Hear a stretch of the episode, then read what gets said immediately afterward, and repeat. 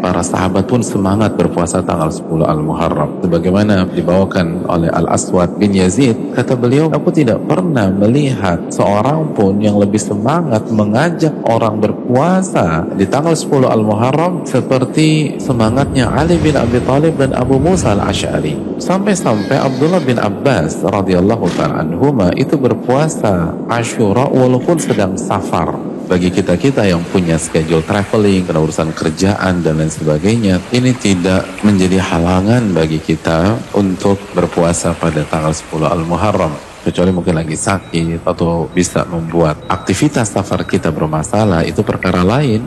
Makanya para ulama mengatakan hukum serta kaidah berpuasa sunnah pada saat safar itu seperti hukum dan kaidah berpuasa wajib ketika safar. Jadi tidak ada masalah Nama-nama besar seperti Al-Imam Az-Zuhri itu bahkan ketika safar beliau berpuasa Ashura. Sedangkan ketika beliau safar di Ramadan itu beliau berbuka dan mengkodoknya. Makanya hal itu menggelitik di benak banyak pihak. Kenapa Imam Az-Zuhri rahimahullah seakan-akan lebih mementingkan puasa Ashura dibanding puasa Ramadan. Lalu hal ini ditanyakan kepada Al-Imam Az-Zuhri rahimahullah. Kata beliau, adapun puasa Ramadan kalau saya berbuka fa'iddatun min ayyamin ukhar. Beliau membawakan langsung redaksi firman Allah dalam surat Al-Baqarah ayat 185. Allah berfirman kalau Anda berbuka, Anda bisa ganti